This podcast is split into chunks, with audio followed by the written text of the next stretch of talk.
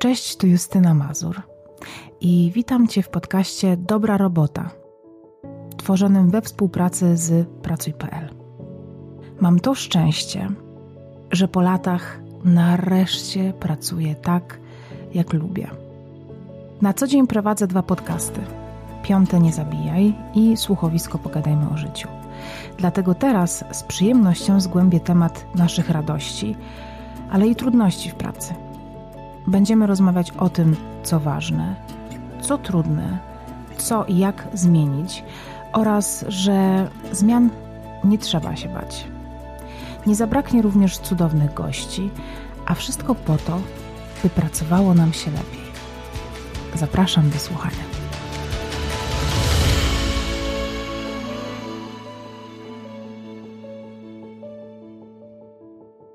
Styczeń to miesiąc czystych kart i zaczynania od nowa.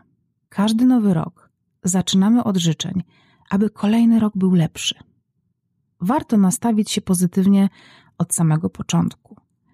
Warto dać sobie szansę na zmiany, bo to one otwierają nam drzwi do spełnienia marzeń, a przecież od czegoś musimy zacząć. Warto inwestować swoją energię i czas w to, co sprawi, że realnie staniemy się szczęśliwsi, a małe kroki, które zaprowadzą nas do tego celu, wpisać w swój noworoczny kalendarz. Na początek chciałabym zaproponować Wam sięgnięcie do Waszych zeszłorocznych postanowień i planów. I to nie po to, aby sprawdzać, co się nie udało, bo wiemy, że rok 2020 wielu z nas pokrzyżował różne projekty i pomysły. Popatrzcie przede wszystkim na pozytywne aspekty. Może chcieliście więcej czasu spędzać z rodziną i paradoksalnie dzięki temu, że musieliście pracować z domu, wam się to udało. Może marzyliście o bardziej elastycznej pracy, a sytuacja związana z pandemią właśnie ją wam umożliwiła? Są takie rzeczy, których nie udaje nam się realizować zgodnie z planem, ale mimo wszystko dostajemy pożądany efekt. Albo weryfikujemy, czy tak naprawdę nasze marzenie jest tym, co nam odpowiada. Może się okazać, że wymarzona elastyczna praca z domu jest w rzeczywistości nie dla nas. I to też jest wiedza o samym sobie, którą warto docenić. Sięgnijcie też do planów i marzeń niezrealizowanych, które wciąż w Was siedzą, są aktualne i ważne. Może warto wpisać je w tegoroczny kalendarz, a jedynie ucząc się na błędach, zaplanować inny sposób realizacji. Okazuje się, że większość z nas tworzy postanowienia. Badania Pracuj.pl na przykład mówią o tym, że aż 59% badanych przygotuje zawodowe postanowienia noworoczne, takie, które dotyczą zmiany pracy czy utrzymania lepszego work-life balance. Natomiast już bardzo niewielki odsetek z nas dotrzyma postanowień przez dłużej niż kilka miesięcy. Jeśli u Was też tak jest, może warto chwilę przeanalizować, skąd w Waszym przypadku to się bierze. Może cele są nierealistyczne, bo postanawiacie zostać dyrektorem finansowym w ciągu roku, a tymczasem na razie jesteście na stanowisku młodszego księgowego. Może zakładacie zbyt szybkie tempo zmian, albo zbyt mały wysiłek, który w zmianę włożycie, szczególnie jeśli chcecie zmienić utarty przez lata nawyk. Bo jeśli planujecie rewolucyjne zmiany i na polu pracy, i na polu rodziny czy czasu wolnego, to prawdopodobnie nie starczy Wam sił i czasu, aby wszystkie te pomysły zrealizować. Zmienię pracę, kupię nowe mieszkanie, będę więcej czasu spędzał z dziećmi i zacznę się wspinać. Może to są zbyt ambitne cele i warto się skupić tylko na wybranym? Może też nieodpowiednio rozplanowujecie swoje postanowienia w czasie. Jeśli chcecie zmienić dział, stanowisko albo pracę, taką rzecz można spróbować dokładnie rozplanować. Dla mnie właśnie taki dokładny plan jest często kluczem do sukcesu, bo uświadamiam nam, czego jeszcze nam brakuje i jakie kroki przed nami, aby cel osiągnąć. Zaczęłam mówić o tym, że warto sobie zaplanować nowy rok. I każdy z nas w teorii wie, że dobry plan potrafi zrealizować nawet najbardziej śmiały projekt. Ale na dobrą sprawę, czy każdy z nas wie, jak dobrze planować rzeczy? Przecież wielkie strategie opierają się najpierw na jakimś podstawowym planie. Otóż w dobrym planowaniu niezwykle pomocny może okazać się uwaga, werble, planer. I to nie tylko taki, w którym ujmiemy dni i tygodnie, ale kwartały i półrocza. Wszystko to kwestia dobrego zaplanowania. Nie sztuką jest wpisać sobie, powiem nawet na swoim przykładzie, kiedy miałam ochotę poprawić swój stan zdrowia i schudnąć kilka lat temu, wpisałam sobie w planer schudnąć. I nie wiem dlaczego, ale wpisywałam to sobie codziennie i wystarczyło mi energii na to pewnego dnia, kiedy dostałam nowy kalendarz, żeby wpisywać sobie to codziennie przez jeden kwartał. I przyznam szczerze, że po kilku dniach, kiedy otwierałam ten planer i widziałam znowu to samo słowo schudnąć, które jest niczym innym jak ogólnikiem i jakimś takim wymuszeniem w ogóle jakiejś aktywności, y, po prostu przestałam otwierać ten planer.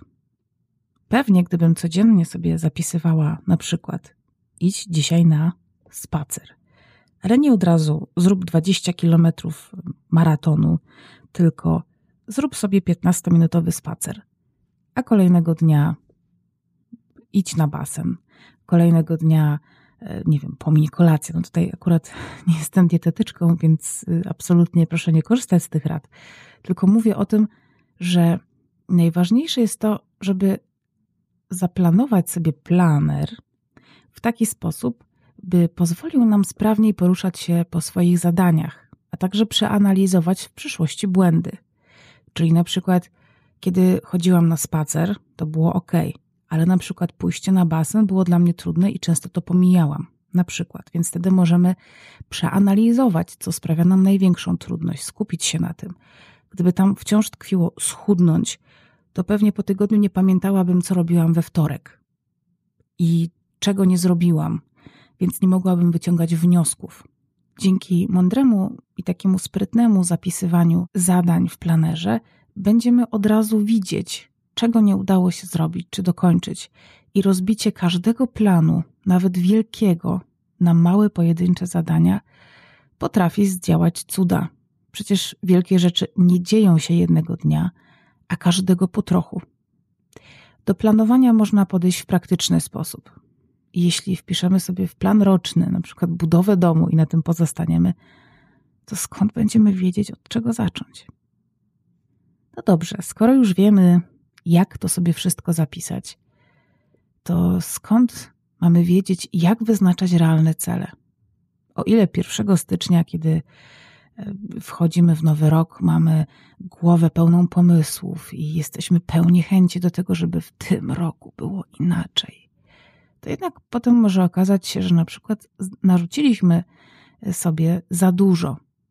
Moim zdaniem należy zacząć od bardzo prostego postanowienia przyjęcia jednej rzeczy za pewnik, że każdy duży cel składa się z dziesiątek małych celów, których nie zauważamy. I tutaj posłużę się przykładem domu, o którym wspomniałam przed chwilą. Czyli chcemy wybudować dom. Załóżmy, że w 2021 roku.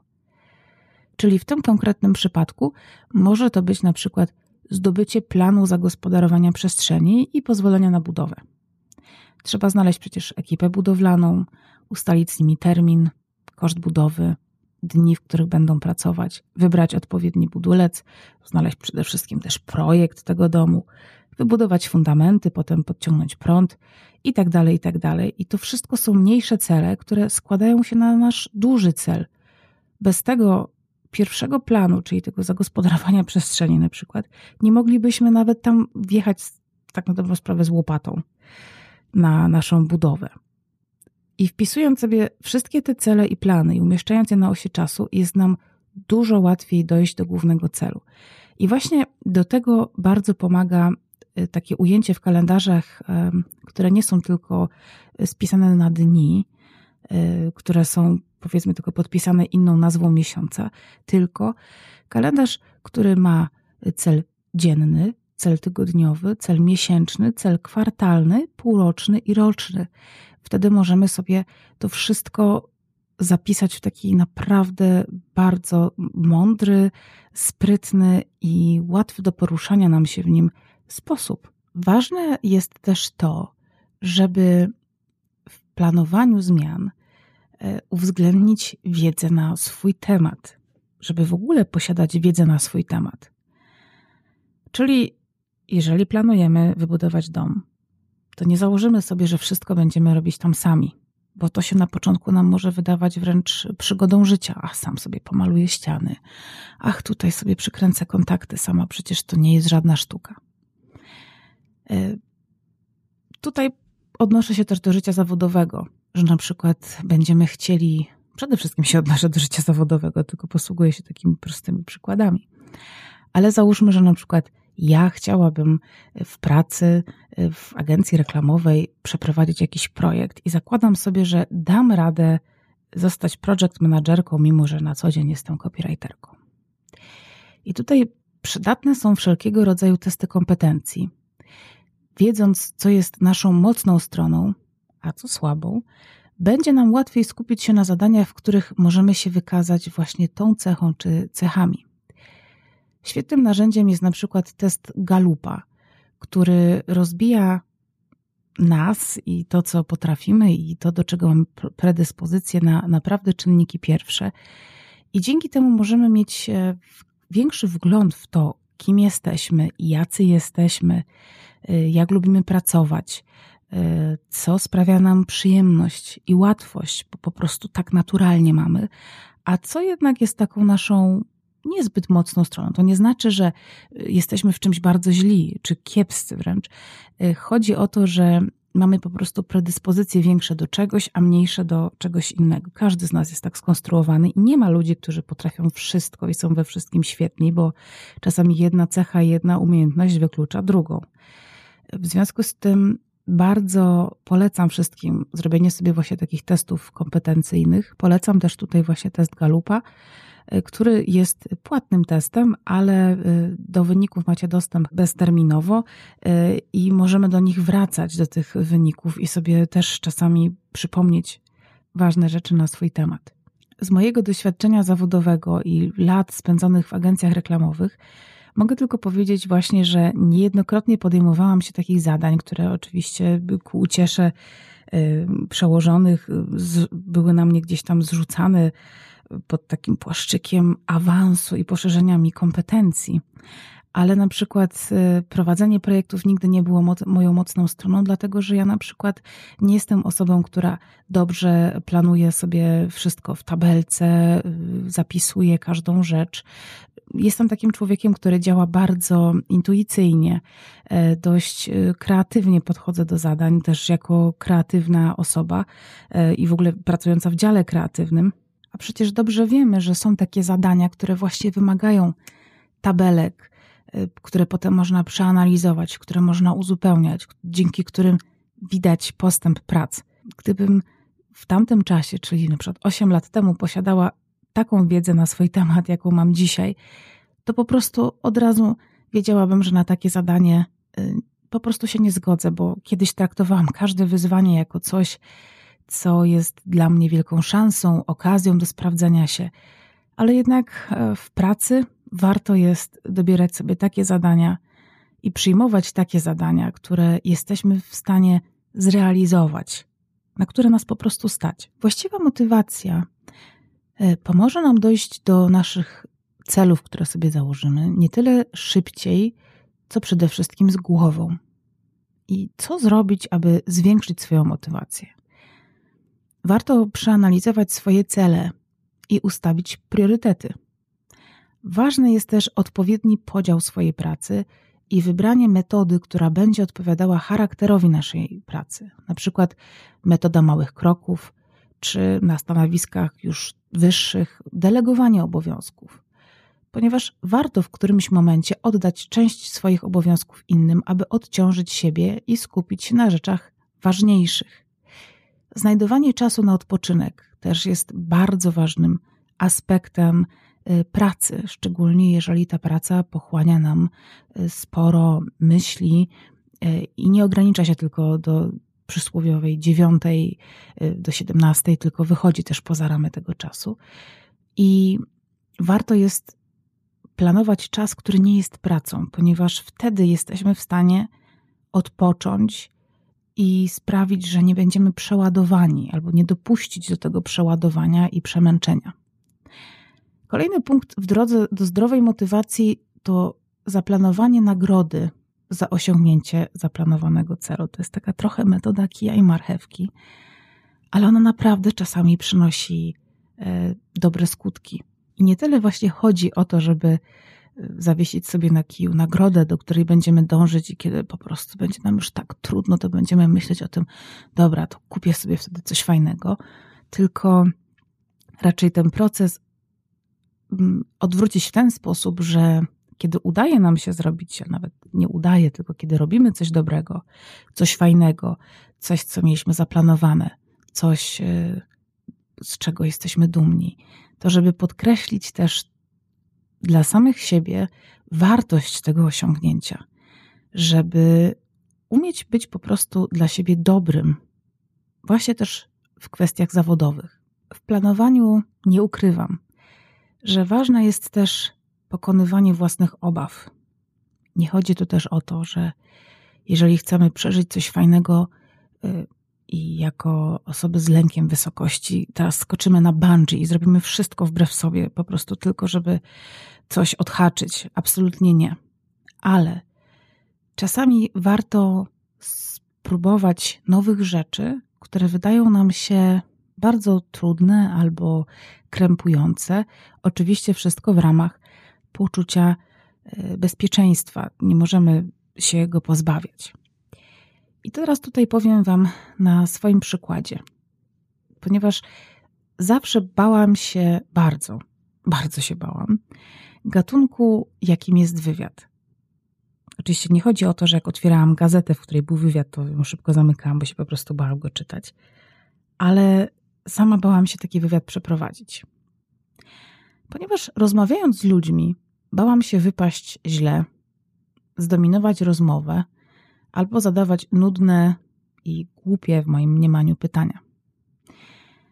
I tak było przez wiele, wiele lat. Nawet kiedyś byłam na pewnej konferencji branżowej, na której brałam udział w panelu dyskusyjnym z bardzo ciekawymi rozmówcami, takimi, którzy w jakiś sposób byli moimi autorytetami. I mimo, że mówiłam podczas tego panelu całkiem sporo, to miałam nieodparte poczucie, że zbłaźniłam się, że oni wszyscy byli mądrzejsi, a ja wrzucałam tylko jakieś nieznaczące nic y, uwagi czy jakieś dopowiedzenia.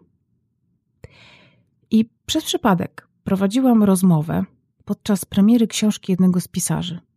Mm, dostałam maila z taką propozycją, żeby poprowadzić takie spotkanie online, więc to już było dla mnie trochę łatwiejsze, bo jestem w kwestiach takich właśnie spotkań z ludźmi dość oporna i tutaj mocno introwertyczna, ale jednak e, zdalne prowadzenie takiej rozmowy było już dla mnie dużo większym komfortem. I stwierdziłam, ok, teraz jestem gotowa na to, żeby spróbować. Okazało się y, w trakcie tego spotkania i po nim, że potrafię ją ciekawie przeprowadzić. I po tamtym wydarzeniu zaczęłam być proszona o więcej rozmów i normalnie bym się na to w ogóle nie zgodziła. Tylko, że byłam doświadczona wcześniejszym wywiadem, tym właśnie z pisarzem, i postanowiłam się przełamać i rozwijać to. I nawet nie zostać jakąś wielką teraz panią od wywiadów, ale postanowiłam, że będę kuła żelazo póki gorące na tej wznoszącej fali, że trochę oswoiłam ten lęk, że trochę się przekonałam, że jednak można dać radę, że przecież nikt nie ogląda tych e, wywiadów, czy rozmów, czy spotkań e, po to, żeby sobie ze mnie robić żarty. W pewnym momencie też analizując sobie, dlaczego ja się tego tak bardzo boję, doszłam do tego, że przecież moim atutem i mocną stroną jest i była od zawsze rozmowa z drugim człowiekiem, a tutaj, kiedy ma do niej dojść, ja się jej tak bardzo boję. I polubiłam tę formę wywiadu, rozmowy, ale też mocno nad nią pracowałam. I w ciągu pół roku przeprowadziłam tych rozmów nie kilkanaście, ale chyba około dziesięciu, z naprawdę znanymi osobami, przynajmniej w moim mniemaniu, i, te, i, takimi, które ja znam i które bardzo cenię i których też mogłabym się bardzo bać, bo to też były rozmowy bardzo, y, na bardzo specyficzne tematy. Y, oczywiście większość z nich dotyczyła tematów kryminalnych, ale też y, bardzo poważnych społecznych tematów. I mogłabym, wiem, że mogłabym 20 razy spanikować i po prostu z tego zrezygnować, bo to by było dużo łatwiejsze. Ale jakoś pomyślałam sobie, dasz radę, bo to leży w Twojej naturze.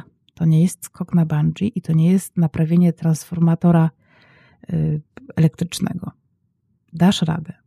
Oczywiście nie wystarczyło sobie tylko powiedzieć tego, że dam radę, tylko e, gdzieś sobie w głowie wypisałam takie e, obawy, które mam, co się może stać, że się ośmieszę, że zadam głupie pytanie, że wypadnę bardzo źle. E, I każdą taką obawę, którą wypowiedziałam na głos, postanawiałam sobie wytłumaczyć, tak jakbym pocieszała najlepszego przyjaciela. I chciałam powiedzieć: Przecież jeżeli zadasz jakieś pytanie źle, to przecież zawsze możesz się poprawić. Na pewno nikt nie będzie tego oglądał po to, żeby się z ciebie śmiać. Przecież masz przygotowane pytania. Przeanalizowałaś je, pokazałaś je bliskim osobom. Nikt ci nie zwrócił uwagi na to, żeby one były złe. Tutaj widać, że wiesz, o czym mówisz, i tak dalej, i tak dalej, i tak dalej. To pozwoliło mi oczywiście nie bez stresu rozpocząć pierwszą z tych ważnych dla mnie rozmów, ale pozwoliły mi też przeprowadzić ją w taki sposób, że po tej rozmowie byłam naprawdę z siebie dumna. Myślę, że możemy sobie teraz podsumować, czego dzisiaj się dowiedzieliśmy. Przede wszystkim każdą zmianę, jaką chcemy wprowadzić w swoje życie, warto zacząć od zaplanowania tej zmiany. Dlatego ważne jest to, żebyśmy posiadali na przykład planer lub kalendarz, w którym będziemy zapisywać sobie zadania, i cele. Warto jest każdy duży cel rozbić na małe cele, nawet takie, które dotyczą poszczególnych dni. Wtedy jest nam dużo łatwiej manewrować i poruszać się w dużym zadaniu, w dużym celu, czy w drodze do dużego celu, niż wpisywać sobie od razu gigantyczne projekty, których na dobrą sprawę nie wiemy, jak e, zacząć. Ważne jest też to, żebyśmy wyznaczali sobie realne cele. Skupiajmy się na zadaniach, które leżą w naszych kompetencjach. A żeby te kompetencje poznać i wiedzieć więcej na ich temat, możemy skorzystać z szeregu testów kompetencji. Ja tutaj szczególnie polecam test Galupa, który sama sobie kilka miesięcy temu przeprowadziłam, i, czy zrobiłam sobie ten test, i on sporo mi powiedział na temat tego, do czego mam największe predyspozycje. W każdym planowaniu ważna jest właściwa motywacja, czyli taka, która da nam dużo pozytywnych emocji w trakcie wykonywania y, zadania. Warto jest w planowaniu uwzględnić nagrody dla samych siebie, ale też przede wszystkim zaplanować brak aktywności, czyli odpoczynek. Tak, to jest właśnie dziwne, że czasami nawet odpoczynek trzeba zaplanować, czyli ustalić sobie, że na przykład codziennie spotykamy się sami ze sobą na 30 minut. Warto też zadbać o to, żeby to był faktycznie taki dobry odpoczynek. Nie mówię tutaj tylko, żeby to było jakieś bierne oglądanie telewizji czy wiem, granie, ale żeby to też był taki czas, w którym naprawdę jesteście w stanie się zrelaksować, e, wejść gdzieś tam w głąb siebie i trochę się ze sobą skomunikować. Ważne jest też w planowaniu, czego nie ukrywam, pokonywanie własnych obaw. Niektóre rzeczy, szczególnie jeżeli plan jest y, nowy i projekt, który chcemy zrobić, jest nowy y, i będziemy go robić pierwszy raz w życiu, to będziemy mieć na swojej drodze sporo obaw i takich rzeczy, których nigdy nie robiliśmy i które będą nas przerażać. Warto jest wtedy pokonywać własne obawy, ale wszystko oczywiście w ramach poczucia bezpieczeństwa. Mi osobiście w planowaniu pomógł kalendarz chociaż wciąż uczę się mądrzejszego planowania. W dobre dni zbyt wiele biorę na siebie, a w słabsze cierpię z powodu swoich deklaracji. Któż tak z nas nie ma? No nie wiem. ja na pewno tak mam. Aby temu zapobiec, stosuję zasadę niezbędnego minimum, czyli rzeczy, którą danego dnia muszę zrobić, żeby nie mieć do siebie pretensji, że nic nie zrobiłam albo że coś po prostu zawaliłam. Jeśli mam na to przestrzeń, robię też trudniejsze zadania. I mam wrażenie, że sztuką jest zbilansowanie dni z nawałem pracy z tymi służącymi do odpoczynku.